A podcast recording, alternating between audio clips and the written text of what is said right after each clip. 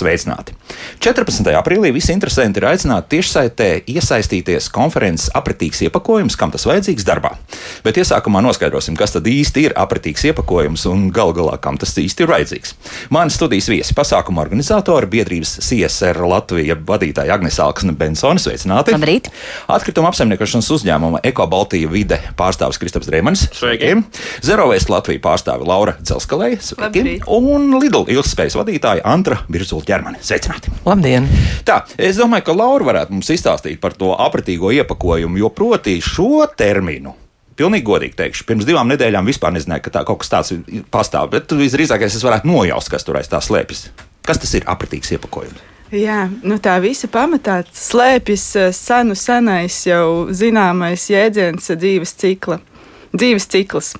Un šobrīd mūsu cilvēku sistēmas arī tiecas uz dabas atdarināšanu arī ražošanas procesos, un līdz ar to mēs tiecamies uz to, ka tas, kas kādam ir bijis atkritums, kļūst kādam citam par izēvielu. Līdz ar to mēs eh, ejam prom no lineāras ražošanas uz šo cirkulāro, jeb latviešu apritīgo ražošanu. Un no šī arī izriet apritīgs iepakojums, proti tāds, ko var atgriezt atpakaļ šajā radoš, ražošanas ķēdē. Man uzreiz prātā nāk tālie padomju laiki, kur bija ķesele ar divām piena pudelēm tukšām. Nu, Tā, tās bija ļoti apratīgs iepakojums pēc būtības. Ja. Uz to ejam, vai tomēr kaut kā citādi uz to visu skatīsimies? Jā, mums patiesībā ir bijis arī neliela diskusija par šiem laikiem reiz ar Mārupas jauniešiem. Un eh, es teiktu, ka ir daudz kas labs, ko varētu paņemt, jo mēs jau tāpat arī nododam šīs stikla pudeles un uh, dažādus citus iepakojumus arī varētu mēģināt uh, līdzīgā veidā apritēt, bet mēs esam citā laikā un ir citas prasības arī pārtikas uh, izmantošanas uh, ilgumiem. Un uh, likumdošanas prasības ir tādas, ka uz šo mēs atpakaļ neatgriezīsimies visticamāk, bet uh, ir jauni materiāli, kas nāk, un tāda galvenā tendence ir atgriezties uz monolītu materiāliem, kas nozīmē savienot pēc iespējas mazāk materiālus kopā, lai varētu vieglāk pārstrādāt. Un, protams, samazināt iepakojumu, iepakojumu apjomu. Bet tas nozīmē arī, ka plasmas mums tā vai tā paliek, piemēram, ja, iepakojumā. Es teiktu, ka visticamāk, jā, ja kaut kāda pēkšņi milzu katastrofa nenotiek, ko mēs nezinām, tad pat plasmasa paliek. Jā. Bet savukārt, ja maisiņš, kurā ir caurspīdīga plasmasa un plus vēl papīrs klāt, tad, tad to tā kā nē. Ja? Vēlams vai nu vienu vai otru, jā. tad no pārstrādes viedokļa tas ir labāk. Mm -hmm. nu, labi, kā mums klājas ar Krista par šo pārstrādi? Šobrīd, cik daudz mēs spējam pārstrādāt no tā viss, kas, kas ir iepakojums? Nu, principā mēs eh, atkritumus un visādi iepakojumu savācam pusē no visas Rīgas, gandrīz pusi no Rīgas, un mēs redzam, ka tur ir viss kaut kas iekšā. Un tā pa godīgo mēs eh, no visa tā, kas mums ienāk iekšā, ap 80% nonāk uz pārstrādi un 20% nonāk uz enerģijas atjaunošanu, enerģijas ieguvi. Tā kā 80% ir labs materiāls, no kā ražot jaunas sastāvdaļas. Tā kā principā lielākā daļa no tās ir gan plasmas, gan papīrs. tā kā 80%, ko mēs ikdienā šķirojam, ir veiksmīgi un labi pārstrādājams. Tad jau viss ir ļoti labi. Un, bet, protams, ka ir tas, ko jau pieminēja, ka ir tie dažādie jau sajaukumi, plasmasas un papīra miksiņi, kuri sajaucas kopā, un tādi jau pārstrādē ir sarežģītāki. Bet, ja kurā gadījumā tie 20%, kur notiek nonākusi enerģijas ieguve, enerģijas atjaunošana, tie ir eh, tas procents, ir, eh, ja kuram atkrituma apsaimniekotājiem ir svarīgi tas procents, jo tas ir materiāls, par kuru mēs maksājam, par kuru mēs maksājam kā atkrituma apsaimniekotājs. Tāpēc mēs cenšamies darīt visu, lai šis 80% pieaugtu uz augšu. Mm -hmm. nu, labi, tagad Andrejs jautāšu, bet es uzreiz jautāšu tā, kā to jautā mūsu radioklausītājs Ivars. Kā vārdā maizes cepēji nevar atteikties no plastikāta maisiņu lietošanas, tādējādi apzināti ceļot inflāciju atkritumu radīšanā?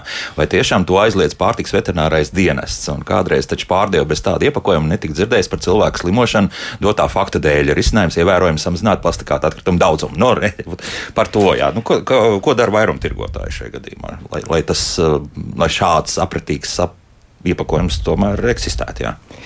Šeit varēs Varbūt runāt tikai vispār, par, jā. par mazumtirgotāju. Nu, mazumtirgotāju. Uh, bet, jā, ir, kā jau Laura minēja, tās ir likumdošanas normas, tie ir noteikumi, pārtiks aprites noteikumi, kad uh, nu, produktu vienu pie otra stāvošu mēs ar kailām rokām neaiztiekam.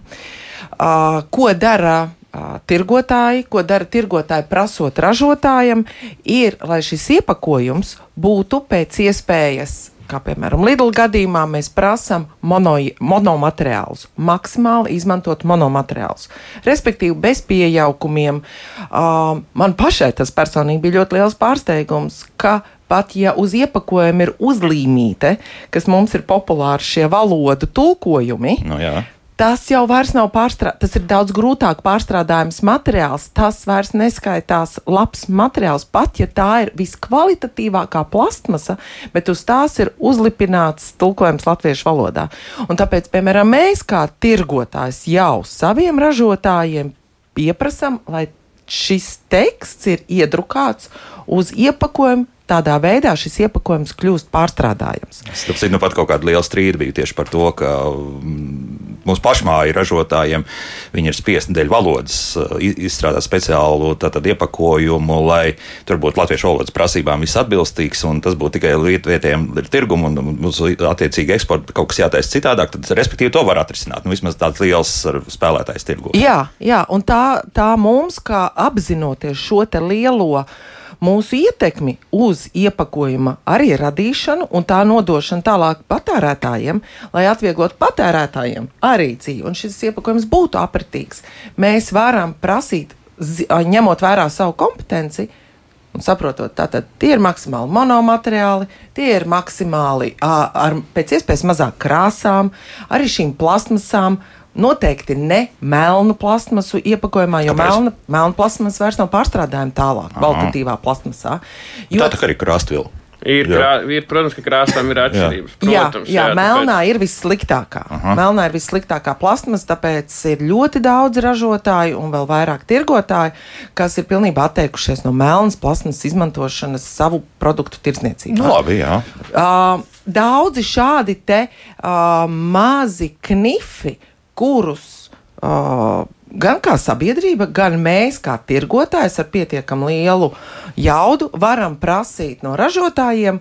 Mums ir unikums, ka mēs esam ciešā sazobē, jo viens grupas ietvaros gan ar pārtika, atkritumu apsaimniekotājiem, apsiku, ap, atkritumu pārstrādātājiem un, um, un atkal tālāk ražotājiem. Šajās aprite, apritīgajā aplī mēs ļoti precīzi zinām jau, ko var un ko nevar. Un, jā, mēs ņemam vērā likumdošanu, ka maizi, kas ir sagriezta šķēlēs, visticamāk, mēs vairs nekad neredzēsim, neiepakotu veikalu plauktos, jo tai, protams, ir jābūt iepakotai. Bet kādā iepakojumā tā ir, nu, to jau nu, mēs vēl varam noteikt. Tā, bet tagad viena lieta, ja runājot par pašu Lidlu veikalu, tad tur gan šie, kurā tā maize, kas ir stāv plauktā bez iepakojuma, tālāk tas maisiņš gan no divām Jā. daļām sastāv. Ja? Jā, jā. pilnīgi taisnība. Jā. Pilnīgi taisnība. Savukārt šeit arī mēs to ļoti labi apzināmies. un Tiek meklēti risinājumi, kā, tā, kā no tā tālāk iet. Bet šeit ir stāsts par uh, pašu kasieru, kuram ir jāveic tas darbs. Un ka arī ne katram pircējam patiks, ka tas kasieris ar rokām, kurām pirms tam ir piemēram, ņēmis arbūzu vai melonu laidis caur kas, ar to pašu tagad vērs vaļā to necaurspīdīgo maisiņu un skatīsies, cik tā tās Ak, bulciņas tā. ir iekšā. Un tāpēc ir šī caurspīdīgā līnija pa vidu, ko, kuras materiāls arī tas caurspīdīgais ir veidots tā, lai tas būtu maksimāli pārstrādājams, arī kopā ar to papīru. Bet um, tas ir no šī aspekta skatoties. Tā labi, tāpat arī skatās. Tur, ja tur bulciņas ir salikts vairāk pa piecām. Tad Nu, bet, tāpat bet, var jā. vaļā. Nu, labi, labi, nestrīdēsim. retāk. par. Bet retāk. À, tagad vismaz kļūst eh, šis skaidrāks. Agnes, vai tikai pārtiks iepakojums būs eh, konferences, tas būtiskākais aspekts, uz ko tiks likts eh, tāds lielāks eh, spiediens, vai, vai tomēr arī par citiem iepakojumiem būs runa? Tātad mēs runāsim par pārtikas un par dzērienu iepakojumiem, mm -hmm. un mums būs tātad labie prakses piemēri no uzņēmumiem, kas jau ir mainījuši savus vai nu ražošanas procesus, iepakojumu procesus, lai varētu pāriet uz šo iepakojumu. Kāpēc tieši ar pārtikas un dzērienu ražotājiem? Jo ļoti daudz pastāv ierobežojumi, daudz ir noteikumi, un mums ir nu, ļoti grūti pat bija principā atrast tādu eh, tādu labu, jaunu pieeju, kur tiešām ir atrisināts kaut kas no tā, par ko šeit runā kolēģi. Vai tas ir eh, viendabīgs iepakojums, vai tas ir tāds, kurš eh, nepārkāp kaut kādas tiesību aktus un tā tālāk. Un tad, ko mēs vēl konferencē darīsim, mēs arī runāsim par regulējumu. Tātad mums būs, mēs esam analizējuši par to, kāds būs jaunais regulējums Eiropas Savienības ietverā un kas, ko tad sagaidīs šie pārtiks un dzērienu ražotāji. Un tad, man liekas, tā pievienotā vērtība šai konferencē ir tāda, ka, kā mēs smējāmies, mēs katrs varēsim atnest savu uh, atkritumu, kas mums rada problēmas. Ja mēs, stāv, mēs, piemēram, pat iedomājamies, es stāvu pie saviem atkritumiem un tā skatos, kurā maisiņā viņu likt. Ja? Un tad mēs arī diskutēsim par to, vai tiešām šis iepakojums ir at atkritumos nometams, eh, un viņš tur paliek eh, pēc tam poligonā, vai mēs viņu varam pārstrādāt. Mums ir cerība, ka šis mūsu apsaimniekotājs viņu spēs eh, arī pārstrādāt. Tas, tas ir tas mūsu uzdevums. Un tas, par ko mēs vēl runāsim šajā konferencē, arī par to, kas notiek Lietuvā un Igaunijā un kas notiek Norvēģijā. Mums būs eksperti no Norvēģijas, kas stāstīs par to, kā viņi ar šiem jautājumiem vispār aprits ekonomiku runā.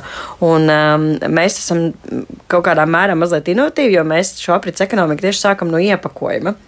Bet mums, mums likās, ka tieši tas ražotājs ir tas, kas, kas šobrīd ir, ir apjucis. Viņš tā kā grib darīt labu, viņam motivācija varētu pat būt. Vēl mazliet palīdz tas, ka mums ir uh, ienākuši tātad, uh, šīs te, uh, ķēdes lielās tirzniecības, kuras arī ar savām prasībām, un viņi kā nu, īsti nesaprot, vai tas būs pietiekami ekonomiski izdevīgi, vai tā būs mana vērtība, uh, ko man tad darīt, uh, kādā veidā to izdarīt. Un, Un viena no mūsu tādiem secinājumiem bija tāds, ka uh, man ļoti patika arī, ko Antra teica vienā mūsu iepriekšējās sarunās, ka tas padoms ir tāds, ka tajā brīdī, kad ražotājs izdomā kaut ko iepakot, viņam ir jābūt tam labākajam zvanam, savam draugam, apsaimniekotājiem, saka, ko tu ar šo darīsi.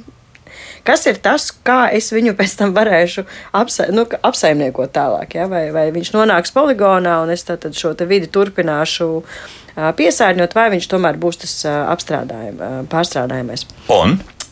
Nu, tas būs tas mūsu lielais mērķis, ka mēs gribam viņus savest kopā, jo ik pa brīdim liekas, ka viņi nesarunājas. Un jau pirms ražošanas procesa uzsākšanas, jo Jā. kas notiek? Mēs tad, kad saražojam, mums kur mēs šo liekam. Ja? Tad, tad patērētājs apjūts stāv pie sava iepirkumu groziņa un saprot, ka viņš šķirot iespējams vairs apjūk. Ja? Nu, labi, jums pieņemsim, jā. tomēr ir kaut kāds procents vietējā lokalizācija, ja tie pārtiks mm. produkti vai, vai dzērieni, kurus tas skatos arī alkoholiskie, kas ir vietējie.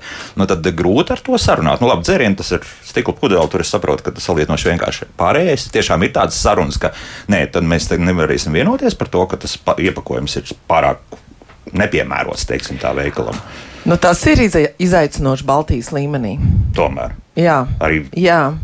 Jo tā, tam ir visam, um, nu, es nevaru atbildēt par Lietuvas tirgu, jo es uh, nestrādāju ar Lietuvas, e, nu, kā jā, jā. Latvija nestrādāja ar Lietuvas. Nu, kaut kāda aprita informācijas jau notiek. Ja? Jā, nu viņiem šīs iestrādes jau ir senāks Lietuvā, ir vēl lielāka šī pārtiks rūpniecība un pieredzējušāka un daudz vēl eksportspējīgāka. Un viņi, jo, protams, šie jaunie iepakojumi, um, jaunu iepakojumu līniju iestrāde savā procesā prasa zināmas investīcijas. Un uh, to var lielākiem. Nu, bet krāsa nomainīt un, un visu padarīt tādu mono. Uh, mono. Arī tas ir sarežģīti. Sarežģīti jā. Tas ir sarežģīti iepakojumu ražot. Tāpēc šis ir ļoti labs veids, kā runāt ar iepakojumu ražotājiem. Jo mēs arī redzam, ka iedzīvotājs, viņš ierauga visus tos iepakojumu veidus, viņam ir tiešām grūti saprast, vai tas ir šķirojums vai nav šķirojums. Bet iepakojumu ražotājs jau šo pasniedz, ka tas ir viendabīgs materiāls tikai, piemēram, kartona kastīte bez nekā cita. Tas ir skaidrs, ka būs viegls šķirojums. Tā kā tas ir darbs Man tas ir darbs ar iepakojumu ražotājiem, bet viņiem arī tas ir sarežģīti, tāpēc ar to kopīgo labo vidusceļu. Nu, cerams, katrs, cerams, katrs es, es tomēr precizēšu iepakojumu ražotājs, un tad ir pārtikas ražotājs. Mūsu tas fokus šajā reizē ir pārtikas ražotājs, jo viņš pieņems lēmumu, jo viņam ir jāizsver. Uh, cik šis apritīgais iepakojums maksās, kā šis iepakojums izskatīsies, vai viņš, nu, kā mēs zinām, ārstrādāts ir pelēks, ja, un, vai, vai, palīdzēs vai, vai palīdzēs produktam, vai tad jācīnās mazliet ar šo dizainu, ar mārketingu. Un tad uh, mums ir šī trešā vilkme, tātad cik par to būs gatavs samaksāt mans klients. Un nevis varbūt tas pats gala klients, bet varbūt šis starpā šis klients, kurš ir uh, tirzniecības ķēde, kurš gatavs būs paņemt šo produktu. Ja. Un, un tādēļ ir šīs te, viņam ir ļoti daudz šīs te, šie jautājumi, kas ir jāapsver un jāsabalansē. Nu, kurš diktē noteikumus tādā gadījumā? Nu, tā, gala patērētājs visdrīzākais nu, ar, ar, ar savu maciņu, tad, tad ir vairumtirgotājs. Nu, nu, nu, nav diktāta. Nevar būt diktāts. Nu, kāpēc? Ne? Šis ir tāds, šim ir jābūt daudzu iesaistīto tango. Jo patērētājs teiks, es gribu, bet es nevaru atļauties tik daudz maksāt. Tirgotājs saka, tas būtu ļoti labi. Ok, es esmu gatavs uz tādu upurīti, bet atkal, tad, mīļie draugi, ražotāji, vēl izdariet to, jo es pērku tik daudz, un tas tā tad kopā ir no viena vienīga produkta tik un tik tonnas no manis pārdotā viena plasmasas, piemēram. Tad ir pārtikas ražotājs, kurš saka, ārprāts, ārprāts, šī tā jaunā līnija prasīs man jaunas investīcijas, un tad ir iepakojuma ražotājs, kurš saka, hmm, es vēl neesmu izdomājis, kā uz Latviju atvest šo jauno iepakojumu materiālu, vai jo tas arī ir tirgus. Nu, Fūri jau var paņemt, nav jau problēma. Nu, un, un cik tā. Tā, tāpēc es saku, tas nav diktāts, un tam, tas nedrīkstētu būt diktāts. Tam ir, un es domāju, visi klātesošie piekritīs, ir jābūt ļoti labai kopīgai sadarbībai, ka sabiedrība arī ir izprotošāka un arī sāk uzdot, jautā, uzdot jautājumus, kāpēc šis, šī ir plasmasas pudele, kurai vēl ir plēvīta virsū no daudzām krāsām, un korķītis ir melns, jo tas melnais korķītis tas taču nebūs pārstrādājums. Nu, labi, Laura. Nu, sarežģīti viss izrādās, ir, vai ne? Nav tā vienkārši. O, jo dziļāk mežā, jo vairāk malkas. Jā. Mēs arī, kad izstrādājām jauno iepakojumu rokas grāmatu, kas ir kā padoms uh, uzņēmējiem, ražotājiem, arī iedzīvotājiem, to var droši arī lejupielādīt mūsu mājaslapā.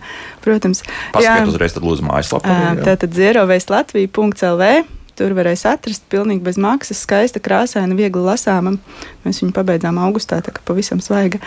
Jā, un tad arī domājam, nu, kas tad tur uzrakstīsim uzņēmējiem, lai ir skaidrs, iepakojiet šajā un šajā, un, un tad viss, viss laimīgi atrisināsies. Bet nav tik vienkārši, jā, jo tur ir gan likumdošanas prasības, gan tas, cik var maksāt, gan kādas jau ir esošās iekārtas, gan kā to saskaņot. Tāpēc, jā, un tad vēl jāskatās, kas vispār pasaules tirgū notiek, kādus iepakojumus vispār iespējams dabūt, kur ir krīzes, kur ir sabombardētas rūpnīcas, ka, kas iepakojumu vairs nespēja ražot. Un tur ir, tur ir tik daudz, ka principā, jā, mēs vienkārši varam mēģināt darīt šobrīd labāko, ko mēs varam, un nu, cerēt, ka, ka ka tas aizvedīs tālāk, jā, tur, kur jānokļūst. Jā, Kristap, jūs pasīvi mm, reaģējat uz visām šīm pārmaiņām, nu, respektīvi, kā tur tas likums tālāk pieprasīs, tā jūs arī darīsiet, vai, vai tomēr ir kaut kas proaktīvāks, kaut kādas lietas, ko jūs uh, mēģināt veikt? Nu, mums jau viss sākas ar to ar, pārstrādā, ar pārstrādes pusi. Ja mēs redzam, ka šo iepakojumu var pārstrādāt, un mēs, nu, mēs ikdienā sadarbojamies ar daudz pārstrādātājiem Baltijā, Eiropā, arī Turcija. Nu, diezgan plašs tas lauks, kur mēs sūtām visus šos pārstrādājumus materiālus. Un mēs skatāmies no tās puses. Ja tā puse saka, ka jā, šis ir pārstrādājums, tad jau tas iet tirgu un ir ok. Bet ir tā, mēs cenšamies vairāk zaļā Latvijas zaļais punkts, kas tā kā iepakojam tāds kā. Iepakojam tāds kā uzņēmums, un tas vairāk strādāt ar iepakojumu ražotājiem arī par šiem jautājumiem. Tā kā mēs strādājam proaktīvi, strādājam, darām visu, lai tas būtu sinerģija un tas būtu kopīgs risinājums labāk iepakojumu. Uh mhm. -huh. Jūs esat ieinteresēti katrā gadījumā? Mēs, protams, jā, esam ieinteresēti, lai iepakojums būtu labāk un vieglāk pārstrādājams. Jo? Jo? jo? Jo, protams, ka mums visiem ir. Visiem nē, nē, ir jā, jā, jā, jā, jā bet nu, tur, tur Latvijas, tā, kurā vietā atkal ir. Latvijas zaļais punkts, un arī mēs esam, protams, ieinteresēti, lai materiāls būtu vairāk pārstrādājums. Tāpēc, ka tas ir pirmkārt ir jāsniedz normas. 30. gads ir uh, Eiropas norma, kad ir jābūt bija procentiem jābūt. Ir jābūt pārstrādājuma materiālam, tā kā tas ir uz ko mums jāiet. Ir, mums vienkārši nav variantu, mums ir jādabū pēc iespējas vairāk pārstrādājuma materiālu. Nu, bet varianti vienmēr pastāv. Mēs jau tagad maksājam visādas interesantas sodu naudas Eiropas Savienībai par to, un neko dzīvojam. Nu, labi, nu, tur aiziet pāris desmit miljonu šur tur. Nu, nu, jādara tas, lai būtu mazāk šīs sodu naudas. nu, es par, par šo es varētu varbūt piebilst, ka tā, tā uzņēmējiem motivācija parasti viņi dara četras, četras lietas.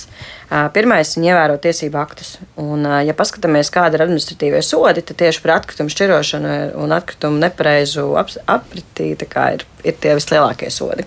Tur mums vēl ir kur augt un augt. Un dažreiz liekas, ka šie sodi ir pat nu, tādi vienkāršāki samaksājumi nekā mainīt to visu procesu. Jā, jā. Un, tādēļ, tad, kad mēs skatāmies, nu, tā, mēs varam neesmu pētījusi, kurš tas tieši uzņēmums ir vai kuri tie uzņēmumi ir, bet tātad tie ir uzņēmumi, kuriem ir stāsts par ražošanu. Un, un tādēļ arī šīs problēmas radās. Viņi izsver, ka tas ir vienkāršāk. Nevis tur mainīt visu šo procesu. Jo tā ir pasaules praksa. Nu, Būsim godīgi, lielie autokoncerni to dara nepārtraukti. Viņi nomaksā attiecīgas uh, soda naudas, mierīgi ražo mašīnas, kurām ir diezgan liela iekšzemes zinē. Un tad, nu, un tad es kā patērētājs, principā, man būtu jāzina šī informācija, lai nu tad ar savu maciņu atbalstītu vienu vai otru uzņēmumu, kurš tad, tad uh, ir atbildīgs un kurš nav atbildīgs. Tā, tad ja? tomēr sabiedrības kaut kāds spiediens. Tomēr vajadzētu būt, jā. jā un, un man liekas, ka šī atklātība, cevišķi lieliem uzņēmumiem, ko šobrīd vispār prasa Eiropas Savienība, ziņot par šo ilgspējas praksu un vispārējo, un arī par to, kāda ir sodi un, un kāds ir biznesa modelis, es domāju, ka tas arī daudz ko pamainīs, varbūt arī patērētāju uzturē. Otra motivācija ir tajā brīdī, kad man tas paliek izdevīgi ekonomiski. Ja man tad, tad es mainu apgaismojumu, ventilācijas siltumu vispār, nu, man tas paliek ekonomiski izdevīgi, un arī tas ir par iepakojumu. Tad, tad man paliek, piemēram, izdevīgāk pirkt šo pārstrādājumu, un nezinu, man ir mazākas izmaksas tieši šī atkritumu atkritumu noglabāšanai tātad, un pārstrādē ir mazākas summas. Es arī izvēlos tātad, šo te, uh, iepakojumu. Tas ir visi saistītie trauki. Mēs nevaram nu, vienā pusē tikai izdarīt un bez motivācijas otrā pusē. Kā es saku, tāpēc mums arī ir konferencē burkānu pātagas, jo mēs runāsim par to, ko tad, tad mums sodā, sodīšanas virzienā vēlās vēl un regulējuma virzienā uzlikt, un kur tad ir tā mūsu labā praksa, kas mums došos labumus. Un tad trešā motivācija ir uh, procesa optimizācija situācija, Un process šajā gadījumā varētu būt arī stāsts par to, kā mēs vai nu pārstrādājam, apstrādājam, vai paši vedam, nododam, sadarbojamies un tā tālāk. Un ceturtā motivācija ir inovācijas. Un inovācijas stāsts ir par resursiem. Ja? Tad, tad kā mēs resursus, kas mums, piemēram, nokrits, ir blakus, vai, vai tur mēs neesam viņu izmetuši, vai daļa palikusi pāri, ko mēs ar viņu darām. Varbūt kādam citam nozarē viņš pat ir vajadzīgs. Un šī sadarbība, manuprāt, ir tas, ceļš horizontāls ar dažādām nozarēm, tas ir tas, kas varētu būt atslēga, lai mēs virzītos šajā zaļā kursa virzienā, apritīguma virzienā. Nu, tas ir tas, ko mēs darām. Mēs biedrībā ar to arī nodarbojamies. Mums nāk dažādas šīs organizācijas kopā, un mēs spriežam, kur mēs varam sadarboties. Un kaut kāda sadarbība arī notiek. Jā, nu. Nu, šī ir piemēram viena no pirmajām tādām labām sadarbībām, ko mēs redzam, ka mums tiešām ir biedros uzņēmumi, kuriem šis viss ir ļoti interesanti. Tā tikai nevis vertikāls, ja, kas strādā jā, ar jā. likuma palīdzību, bet arī horizontālais sakari, kur arī biznesam ir jā. savas, nu, teiksim, Ma, jā, liekas, es, mazais procents. Es, es varbūt šeit mazliet riskēšu ar vienu inovāciju. Nu, piemēram, ir tādas ir tā saucamās de, de, kastes, kas cirkulē starp lauksaimniekiem, starp tirgotājiem, un, un tas ir milzīgi, tas ir milzīgs apjoms ar enerģiju, milzīgs apjoms ar resursiem, un šīs kastes nav vienādas. Tad tās kastes rotē pa visu Latviju un tiek vadātas un ir savietojumi. Kastēs, kurās liekam pārtiks produktus uh, nu, kastes, kuras mēs apmaiņā, viņas ir depozītā, viņas ir plasmas lielākoties. À, tās, jā, jā, tur kastes, viņi, piemēram, 50 centimetri. Jā, jā, jā, jā, tur lielāks, mazāks. Ne, tur ir dažādas, jā. ir maizes produktiem, viena veida, un vienam piena ražotājam ir otra veida. Nē. Ah. un uh, viņām ir prasības standardizētas attiecībā uz to, kādas ir manas kā, nu, tirgotāja prasības. Jā. Uh, un tad ir, nu, lauksaimnieki, kuriem tur ir kastu kastes, krau, krau, aizņem vietas, tad tur, nu, tas ir ļoti interesants jautājums. Es nezinu, kad varētu būt šāda depozīta, piemēram, sistēma, kur ar kastēm mēs varētu pamainīties, bet, bet es šeit, šeit es iemetu to šo ideju tikai tādēļ, ka viņai kaut kur gaisā jau virmo, bet viņai nav varbūt tāda īsta pamata. nu, ja šāda kaste var kalpot vairākus gadus, viņa domāju, arī kalpo vairākus nu, jā, gadus. Tad tā ārā mest būtu diezgan neprātīgi tādas jā. lietas. Labi, laiks mūzikai, pēc mūzikas lasīsim arī, ko mums klausītāji raksta raksta, un paskatīsimies arī noteikti, arī kāds zvans mums būs, bet tas pēc uh, divām minūtēm un 56 sekundēm. Kā labāk dzīvot? Šodien mēs runājam par apritīgu iepakojumu. Jauns tāds termins pēc būtības, nu tiešām pirms divām nedēļām pirmoreiz uzzināju, ka vispār kaut kas tāds uh, pastāv. Kaut gan mēs zinām, ka jau saturs mums ir labi zināms, pēc būtības nekas tāds īpašs, bet uh, to ir jāievieš, un uh, uz to mēs arī ejam. Šobrīd paklausīsimies arī kādu klausītāju. Nu, lūdzu, jūs varat runāt. Jā, labrīt. Gribētos atgriezties pie raidījuma sākuma. Ja? Nu, jā, tēma, protams, ir ļoti pretrunīga. Tur nav uzreiz pat saprotams, kurš kuru lobē, kur, kuram tas intereses ir. Un tas finansējums, jā, viņš diezgan niecīgs. Tur viens, cik jūs teicat, miljons. Jā, pret tādu tēmu varbūt tieši speciāli nauda netiek dota, lai tas neattīstītos vai kaut kā tā. Nezinu, man tādas domas iet prātā. Nu, labi, jā, kaut kā komentēsi to, ko, ko šobrīd eh, par naudas summām nezinu, kas tiek guldīts visā šajā lietā iekšā. Varbūt tā. Nu, protams, tās ir izmaksas. Mm -hmm. Protams, tās ir izmaksas kā jebkura lieta. Un, uh, Bez tām nevar iztikt. Nu, labi, iesim tālāk. Mājaslapā mums Salvita raksta par vienu vairumtirgotāju, sūdzas par to, ka, mm, pieņemsim, dažādi salāti tirgoti tiek plasmas trauciņos, eh, kas nav pat pilni. Agrāk varēja savā trauciņā paņemt salātus, tagad praktiski visu kulināriju salikt kaut kādos plasmas trauciņos, kad ej gar plauktiem un paskaties uz to plasmas vai varbūt cits materiāls kalniem, nu, tas sāc domāt, kur tas viss paliek pēc tam.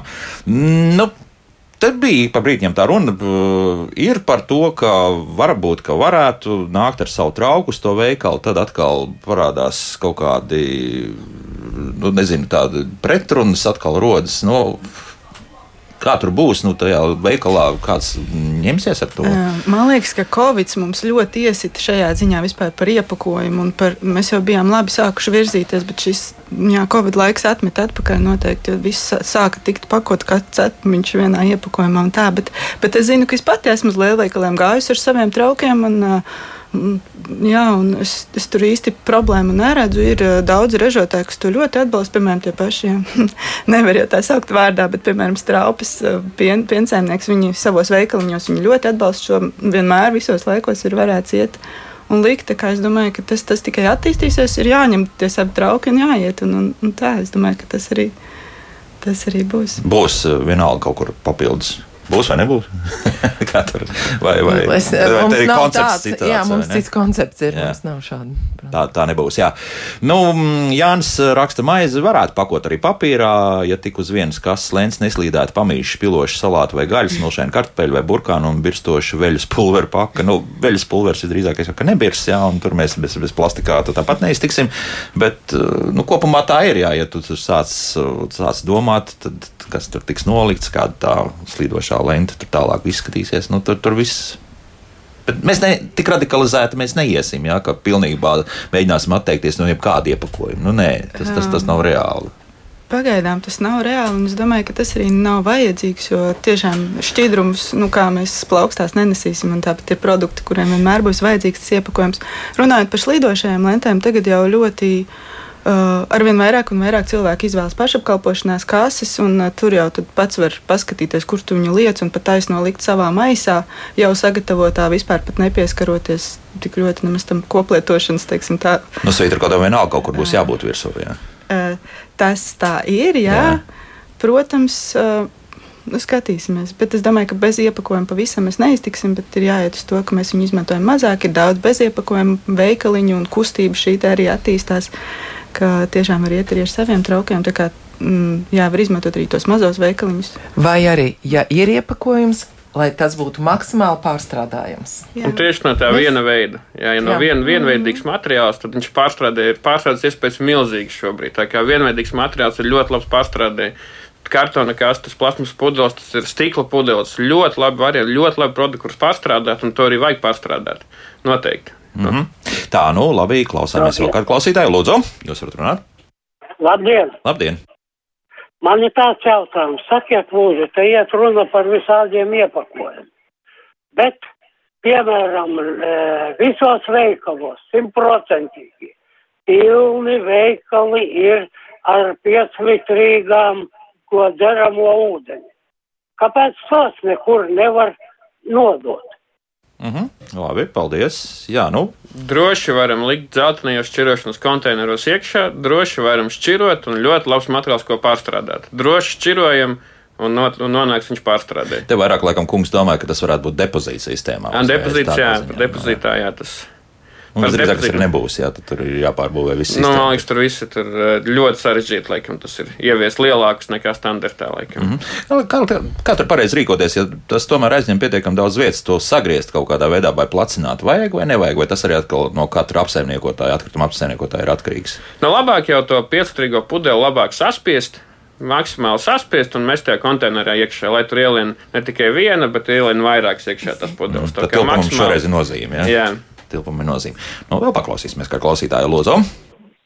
Halo, labrīt! Labrīt! Uh, runājot par tiem salātiem un ko tur var pirkt lielveikalos savos traukos, man šķiet, ka tur bija domāts tas, ka uh, piemēram, uh, lielveikalu ķēdē Maksima, visi salāti, viņi kaut kur tiek gatavoti centralizēti un jau uz veikalu atved jau iefasētus plasmas trauciņos. Nu jā, un tāpēc tas tā notiek, ja? Un, un tādus savā traukā tu, man liekas, vairs vispār nevar nopirkt salātus. Viss jau ir trauciņos. Jau Nu jā, gatavs. centralizēti viss ir nosvērts precīzi. Jā, viņi kaut, kaut kur gatavo uz līnijām kaut kur tos salātus. Nu jā, nu jā, nu jā, nu jā. Jā. Jā, paldies. Jā.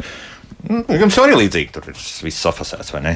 Jā, mums ir safasēts, bet tas tie, uh, Lidlam uh, koncepcija ir, viss ir precīzi, tīri, kārtīgi, atbilstoši likumam, kādam, ir jā, kādam materiālam ir jābūt, kādas ir jānodrošina higienas prasības. Bet atkal, kā jau es minēju, arī konferencē mēs dalīsimies ar, šo, ar, šām, ar šīm savām zināšanām, kas ir gūtas no visas šādas grupas, kuras sastāvā mēs esam tieši par iepakojumu. Kādiem iepakojumiem ir jābūt?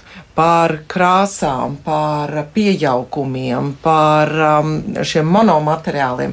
Un patiesībā, cik daudz var izdarīt, kaut vai tikai nedaudz samazinot gramāžu uh, jogurta trauciņam, nedr, uh, neapdraudot tā atrašanos tajā trauciņā vai, vai trauciņa izturību. Bet, ja mēs uz vienu kilogramu jogurta trauciņu varam samazināt plasmasu par ā, 26 gramiem uz vienu trauciņu, cik tas jau ir uz 100 trauciņiem, cik tas jau ir Uz uz, uz miljonus, 1000 jā. trauciņiem. Nu, jā. Un tas ir šeit, mēs runājam par um, uzņēmumu. Nu, mēs Lidls apzinās, ka mums ir liels, liela ietekme. Tātad, cik daudz tonnas kopumā pa visu Eiropu tādā veidā ar vienu jogurta trauciņu mēs varam Bet samazināt? te varbūt tad atgriežamies drusku vienu soli iepriekš. Kāpēc tad, tāda, tāda, kāpēc tad tajā jogurta trauciņā iepriekš bija tik daudz to 25 gramu vairāk? plasmas? Jā, kāpēc? Vai šiem ražotājiem bija tādas šīs ražošanas iekārtas, vai plastmasa nebija tā vēl attīstījusies, bet kat, nu, katram pienāk savs brīdiņš. Es šajā brīdī pieķērošam vienam jogurta trauciņam, bet ir vēl citi, gan kartona iepakojumi, um, citu produktu iepakojumi. Uh, piemēram, arī uh, Vācijā Lidl uh, ražo plas, plas, ūdeni plasmasas pudelēs, savu ūdeni savā plasmasas pudelēs tikai no plasmasas, ko Lidls ir pats atpakaļ savācis. Ražo pārstrādā šīs te pēc pudeles, atkal plān, uh, jaunās, un jau pāris gadu ir vēl plānākas šīs pudeles. Protams, cilvēki var pukoties, Jā, ka citu. tā ir trauslāka. Jā. Nu, es atvainojos, tur ir divās rokās, ja tu nevari tā notikt. Nu, kā, nu, bet, kurš? bet Nu, jā. redzi, tu runā. Nē, nē, nē tāpēc, ka nu, pat Twitter sabiedrība burtiski pirms kaut kādiem mēnešiem, pieciem vai sešiem, nu, runājot, pukojās par to, ka lūk, viens mūsu vietējais sulu ražotājs ir nomainījis korķīti. Suls pakai, kurš ir palicis krietni plānāks. Es no sākuma pat nesapratu, par, kāpēc par tādu satraukumu tagad beidzot sapratu. Ja? Ka, nu, ir salīdzinoši nērti. Bet nu, redz, nu, cilvēki līdz ar to nu, Redzi? vairāk uzskata, ka tā ir nērtība, nevis vērtība. Ja? Jā. Ka tur ir mazāk plasmas. Jā, ja. Varbūt mums ir jāmaina šī sava attieksme, ka jā, varbūt ir nedaudz nērtāk. Ir, piemēram, mēs arī Lidlā esam atteikušies pilnībā no jogurta otrajiem trauci, vāciņiem, šiem plasmas tra, uh, vāciņiem, Jā. kas ir, ir folija un tad vēl plasmas vāciņš. Tagad ir tikai folijas. Ja? Un tagad ir tikai folija jau labu laiku apzinoties. Nu, cik liels plasmas daudzums tas kopumā ir. Un būtībā tas ir vienreiz lietojams, jo lielākoties cilvēki, izēdot šo jogurtu, to vāciņu arī izmet. Runājot par to, ka neērtāk ir um, aiznest mājās, jo tas folija ir trauslāka. Nu, Nedaudz atkāpties no savām vērtībām un lietas pārdomātāk savus produktus um, maisiņā. Un- Jā, jo Mārtiņš tieši par to raksta.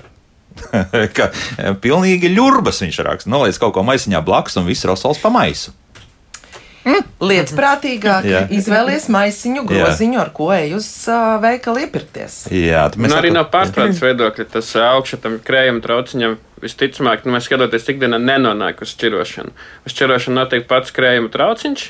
Un tāpēc e, šis variants ir tiešām labs, jā, kā samazināt, jo vis, nu, ļoti reti krējuma augšņi nonāk pie mums šķirošanas, šķirošanas rūpnīcā. Tā kā, Tad tie kaut kur pazūd. Tad Nu, tie jā. aiziet uz sadzīves atkritumiem lielākoties. Ā, lielākoties tur, jā. jā, jā. lielākoties sadzīves atkritumiem. Kaut gan ir arī pārstrādājumi. Ja? Nu, viņi ir enerģijas ieguvēji, tas ir materiāls, kas nonāk enerģijas ieguvējā.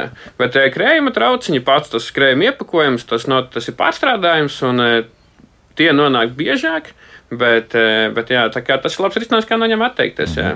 Kā mēs sabiedrību varētu ieinteresēt? Nu, labi, viens ir tas, ka biedēsim ar to, ka mm, kopumā pār, nevis pārtiks, bet atkritumu izvešana paliek ar vien dārgāk un dārgāk. Tas ir viens no tiem argumentiem. Kaut gan nu, tas Eiropa plus divi klāt, nu, tā īsti laikam nestrādā priekš mums, bet strādā ļoti lēni. Vai tas drīzāk varētu iet uz to, ka es vienkārši zinot, ka tā ir jau pēc sajūtas, plasmasa, ka to vienkārši es metīšu attiecīgi dzeltenajā konteinerā? Varbūt tā tas ir. Man nav vairāk jādomā par to, ka ir 34 plasmasas, kuras vienas var mest un kuras nevar mest, un vēl ir attiecīgi depozītā. Jā, par šo arī mēs esam savā darba grupā diskutējuši. Man liekas, par šo daudz cilvēku runā, kā tad ir labāk vai labāk to tīro plasmasu pielikt pie šķirotājiem, kaut arī zina, ka tie ir nešķiroti reizēm, vai arī nezina, šaubās, ja šaubās, tad varbūt likt te dzeltenajā. Es zinu, ka vismaz zāle vidzemē ir tā, ka viņi pāršķiro arī sadzīves atkritumus. Līdz ar to no vienas puses, ja viņus tāpat pāršķiro un to, kas ir derīgs, izlasa ārā, varbūt to, par ko šaubās, tad liek labāk tajā dzeltenajā. Bet tad atkal, protams, protams, atkrituma apsaimniekotāji par to nav sajūsmā, jo tad ir ļoti daudz arī tādu plastmasu, kuras tiešām nevar pārstrādāt. Un, jā, tas ir miets ar diviem galiem. Droši vien, Kristap, tu varēsi pakomentēt arī par šo. Nu, mums jau mēs skatāmies to tā, ka tas ir skatoties par iepakojumu nozari kā tādu. Ja tas ir iepakojums, esam pārēduši, apēduši un maksimāli atbrīvojuši no visām pārtikas produktiem, atliekam, liekam šķirojamā konteinerā. Lielākoties viņi ir šķirojami šķirojam un pārstrādājam. Ja tas nebūs pārstrādājums, tad tas būs enerģijas ieguvēja, bet kas ir daudz labāk nekā noglabāšanas poligonā. Tā kā, ja mēs redzam, ka tas iepakojums, iepakojums ir bez pārtikas atliekām, šķirojam un būs ok. Un, eh, bet ir tā, priekšiedzīvotājiem šobrīd Rīga izveidojusi Rīga kopā ar atkritumu apsaimniekotājiem tādu kā bukletu, kur ir visas bildītēm parādīts, ko var, ko nevar. Ļoti viegli parādīts, bet jebkurā gadījumā. Tā kā mēs, kā Eko Baltijas vidi, skatāmies un skatāmies un attīstāmies, tad mums tas nostāja ir, ka šķirojam visu pārtiku, ko var, tikai galvenais būs pārtiks atliekam. Nu, to, to iztīrītā. Jā, jā, iztīrītā veidā. Jā. Nevajag mazgāt, nevajag skalot, bet ir atbrīvot no šiem te, no atlikumiem. Tad jā. uz Vācijas piemēra, ka viņi tiešām šos jogurtu trauciņus vēl ir izskalo un tad tikai. Nu, par, par mazgāšanu mēs tie tā skatoties, mazgāšana noteikti patērē vairāk resursu nekā viņu. Visdrīzāk. Jā, un, un otrs ir, ka tie pārstrādes rūpnīcas, kur mēs vedam, visas ir, viņām visām pašām ir ļoti specializēta mazgāšana, attīrīšana, lai to varētu atkal pārstrādāt. Tā kā mazgāšana jau atstājam profesionālu ziņā, bet tīri atbrīvojam nedēļu paliekām, lai varam sašķirot un mazgāšanu to jau tālāk pārstrādātāji jau izmazgās. Mm -hmm. Traucījumam jābūt nosacītam tīram tilpuma ziņā. Jā. Tilpuma ziņā jā. bez pārtikas. Jā. Mm -hmm. nu, labi, vēl klausītāji paklausīsimies, un tad arī kāds mājaslaps jautājums. Lūdzu! Nu, man liekas, ka vajag ma, ma, to optimizēt, to nevajag tik daudz dažādu tur pudeļu no 100, tad tur 120 grāmiņi, tad 220. Un, un otrs, man liekas, ka Ķīna ātrāk ieviesīs kaut ko. Tur prezidents pateiks, vajag un būs. A mēs daudz gari dikti runāsim, tāpat kā par depozīta sistēmu gadiem runājām un Nu, un beigās ir ieviests tomēr, jā. Nu, Tom cik laika pagāja? cik nu? laika pagāja, jā, nu, nieka 20 gadu pagāja, jā. Bet, nu, nu, ko jūs sagādat par tādu unificēšanu visu? No pārstādes viedokļa izmēram nav No, nav būtis. Ja varbūt mazs, liels, milzīgs, ļoti mazs. Nu, ļoti maz ir sarežģīti. Es atšķirot un pārstrādāt, bet ir tāda nu, normālā izmērā tas ir cilvēkam pieejamā izmērā ir ļoti nav, nav, nav atšķirības. Jā. Nu, unifikācija. Visi vecrīgi ir viena unifikācija, kādreiz cūmstas bija, un, un maize bija tāda un nekā citādāk. Un nebija problēmas ar iepakojumu, tāpēc, ka iepakojums arī bija, ja tāds vispār bija, tad unificēts. Jā, es eh, piebildīšu, ka droši vien ar stiklu ir nedaudz atšķirīgi, jo stiklu principā varētu izmantot atkārtot, jo tad, kad viņu iemet tajā konteinerā, viņš sašķīst un viņu vajag pārkausēt, tur, protams, aiziet daudz vairāk resursu nekā, ja to pašu pudeli izskalot un izmantot atkārtot. Nu, līdzīgi kā ar, ar, ar alus pudelēm. Tāpēc šis varētu būt uh, vienīgais, nu, par ko padomāt nākotnē. Bet visi pārējie, protams, jā, izmēram nav nozīmes. Tā, tā. Mm -hmm. Bet metot stikla šķirojumā konteinerā labāk tā, lai saplīst. Tā, lai pašam interesantāk šķirot, metam tā, lai saplīst. Man liekas, tā uzmanīgi, jo tāpēc, ka kādreiz mums visiem teica, ka jāsas, bija vesels reklāmas rullīši, kā jāspiež pudeles kopā. Tad, tas bija par pēdpudelēm. Tas bija par pēdpudelēm. Tagad tā kā lūdzu nedariet to, jā, nu tāpēc tā uzmanīgi ar to, ko šķaidīt vai nešķaidīt. Nē, nu mēs novienojamies, ka tomēr tās pēdpudeles mēs. Pēdpudeles noteikti saspiežam. Kas neiet depozītā. Jā, kas jā. nav nekam nerunā par depozītu. Jā. Mm -hmm, tad to mēs tomēr spiežam, jā, jo tas apsaimniekotājiem. Jā, tas ir tie savākšanas izdevumi, jā. Mm -hmm. Bet runājot par uh, iepakojumu unifikāciju, uh, te mēs atkal nonākam pretrunās ja ir liela ģimene, tai lielai vienmēr vajadzēs lielu tilpumu. Uh, bet, ja cilvē, nu, viena cilvēka maisaimniecība nopirks šo lielo tilpumu, tad vairāk aizies pārtiks atkritumos nekā jēga no tā visa būs. Tāpēc ir jābūt šiem dažādajiem izmēriem, un uh, katrs iegādājas to, ko vajag. Galvenais, lai nodot pārstrādē atkritumus. Mm -hmm. Tā lasa tagad, kas mājaslapā Edgars mums raksta, Eiropā pastāv Eiropulu preču tāras aprits sistēma. Kāds kaut ko ir dzirdējis par tādu?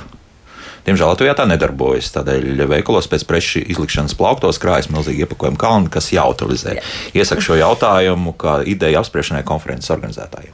Jā, paldies. Tas ir tas, par ko mēs runājām, ka eksistē tāra, tas saucamais sekundāra transporta. transporta iepakojums, jā, ar kuru šobrīd mazliet mokās sevišķi mazie pārtiks veikali un, un, un restorāni, kuriem jā, jāuzkrāj šī, šis te tara, plus viņiem tie, kas ir strādā ar vairākiem, vairākām tirdzniecības ķēdēm, tad, tad viņiem eksistē dažādi tilpumi, dažādi izmēri, un mēs, mēs šo esam jau kā ideju apsprieduši. Un, uh, es ceru, ka varbūt nākamā mūsu saruna uh, būs tieši Jau par šo produktīvu ar šo, jo, jo, jo izskatās, ka ne tikai mums tas interesē, bet arī jau uh, vairāk, vairāk iesaistītiem. Mm -hmm. Nu, Ivars vēl jautā, vai ražotāji kaut ko dara, lai sulu iepakojums mainītu daudz gadu desmitus skrūvējamo korķīšu tipu, jo katrā litrīgajā pakā ar korķīti paliek savu 20-30 gramu. Nu, Ivar, par to es nu pat arī stāstīju, ja, ka kaut kas notiek un tie korķīši tiešām paliek mazāk. Drausmīgi nērti, tikai uzreiz jāsaka. Un, bet nu, viss, kas aizbrauc uz Eiropu, zina, jā, nu, tie korķīši tur ir palikuši mm, trīs reizes mazāk apmēram. Nu, cenšas visā, visā mazināt gan plastmasu, gan arī kartona uh, īpatsvaru, lai iepakojums būtu mazākā daļa. Jo mm. produktu, produktā jau tu nevari mazināt neko, un tas būtu pilnīgi neloģiski. Jā, bet iepakojums, jo tas, tā funkcija ir tikai turēt produktu. Nu, neko vairāk. Ja? Arthurs savukārt jautā par pienu un krējumu plasmasas maisos, tajās paciņās polipakās. Kā ir ar šā materiāla pārstrāde? Tas ir labāk nekā tetrapaka vai, vai kā citādi?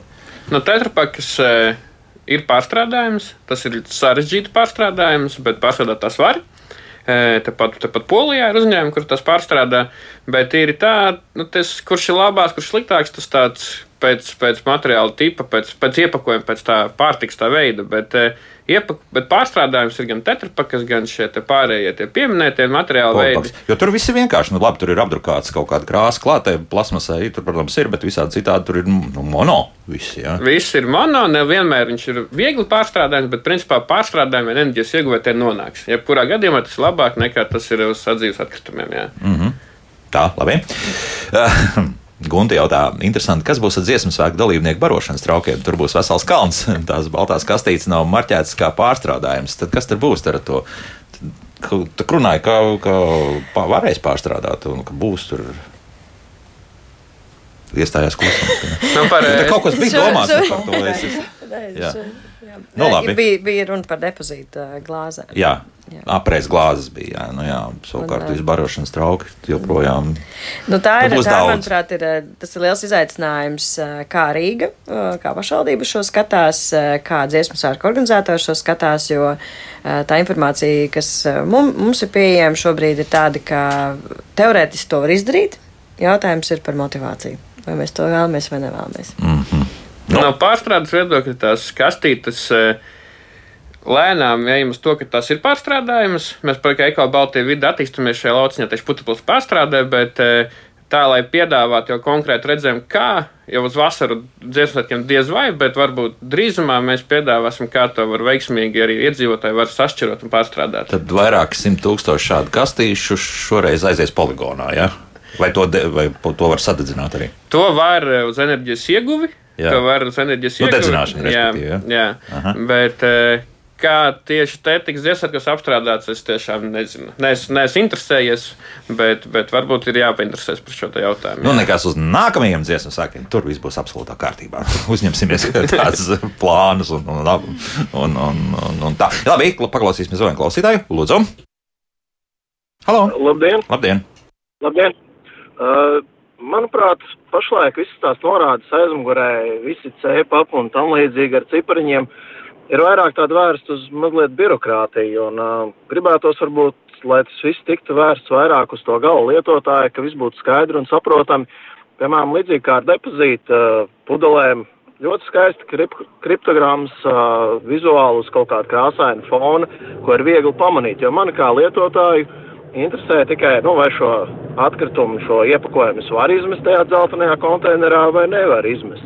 Un tad, ja būtu ērti uzskatām redzams, piemēram, uz dzeltena kvadrāta kaut kāds apzīmējums, uzreiz būtu skaidrs, jā, šo es droši varu mest dzeltenajā konteinerā un iespējams, ka arī iegādājoties veikalā, tad attiecīgi uzreiz varētu pieņemt lēmumu, ka jā, es vēlos šo preci pirkt, jo es zinu droši, ka šis iepakojums aizies ot otrreizējā pārstrādē, nevis mm. -hmm. minēt, kur plasmas ir un kur nav. Skaidrs, labi. Paldies! Jā. Ideja nav slikta. Ik pa brīdim par to tiek runāts. Jā, un šī ir ļoti laba ideja, un tas būtu lieliski, ja tā varētu, bet uh, mēs apstājamies pie tā, ka mums ir vairāki ap atkrituma apsaimniekošanas reģioni, un, diemžēl, katrā no tiem ir savas prasības. Principā katrā Latvijas reģionā ir ne, nedaudz atšķirās tas, ko drīkst mest tajos konteineros. Kristaps tik skaisti saka, ka visu metiet dzeltenajā konteinerā. Es zinu, ka vidzemē nu, tā gluži nav. To laba atkrituma apsaimniekotāji nemīlētu tādu pieeju. Un, ā, jā, un tā, tā arī ir tā problēma. Bet tas, ko var droši teikt, nu, puslīdz droši, ir tie, es piekrītu, ka piktogrammas varētu būt saprotamākas, bet ja jūs redzat uz iepakojuma 1, 2 un 4 šos cipariņus, šķi, tas ir šķirošanas, teiksim tā, materiāli tipi. Tad tos Plasmas var- ir, Plasmas, pla- jā, plasmas jā, par plasmas, par plasmas jau parasti ir tās problēmas. Tad, ja ir viens, divi vai četri, tad tos var pilnīgi droši um, pārstrādāt. Un Mhm. likt konteinerā. Protams, ja tas nav depozīta sistēmas ietvaros. Nu, tā kā- depozītā būs piesniegs vairāk. Jā. Bet ir tā, ir jau iepakojumi, iepakotāji, ražotāji, kur jau liek virsū kaut kādas savas, varbūt tas noteikti ir gan no mārketinga puses, liek virsū, ka ir pārstrādājums, ir pārstrādājums un ka tas ir viegli. Bet ir tā, no tā no ikdienas, manuprāt, papīrs, kartons ir visiem visvienkāršākais. Tāpēc, e, e, nu, Lidlā jau ieejot daudz papīra iepakojums. Nu, tā, un tāpēc e, tas ir, manuprāt, jau ied, nu, tam iedzīvotājiem ir vienkāršāk saprast, jo kartons, kartons, tas ir, nu, tur nav jādomā, tie vai vairāk. Veidi. sakot, jums apsaimniekotiem savā starpā vajadzētu vienoties, un pēc tam arī ar, ar, ar, vairāk ar- tirgotājiem. Nu, jā. tāpēc tas tāds kopīgs, jā, Nu, jā, ražotāji, nu, iepakotāji, atkrituma apsaimniekotāji. Tā, Agnēs, vēl ātri. Kā var pieslēgties uh, piekdienā, ja mums sanāk? Jā, tad. Jā, piekdienā mums vēl ir dažas ekskluzīvas klātienes biļetes palikušas bezrindes.lv. Uh, Pasākumā par ļoti demokrātisku cenu. Un tie, kas vēlēsies klātienē attālināti klausīties, varbūt izlases veidā kādu viņam interesējošo tēmu, tad mūsu kanālā Facebook CSA Latvija būs arī tiešraide un varēs arī dzirdēt. Tad jūs mājaslapā, jā, ceru, tur, tur arī iet. Pasākuma organizatora biedrības CSR Latvija vadītāja Agnēs Alksne Bensone, atkrituma apsaimniekošanas uzņēmuma Eko Baltija vide pārstāvs Kristaps Drēmanis, Zeroveis Latvija pārstāv Laura Dzelskalēja un Lidl ilgspējas vadītāja Antra Birzola ģermani. Bija šis studija paldies par sarunu un uh, līdz rītam, tad rīt uh, redzījumā mēs par ādas nu, faktiski aizsardzību pret saulstariem runāsim. Par to Kristiānu. Visu jauku dienu un tiekamies jau pavisam drīz. Atā!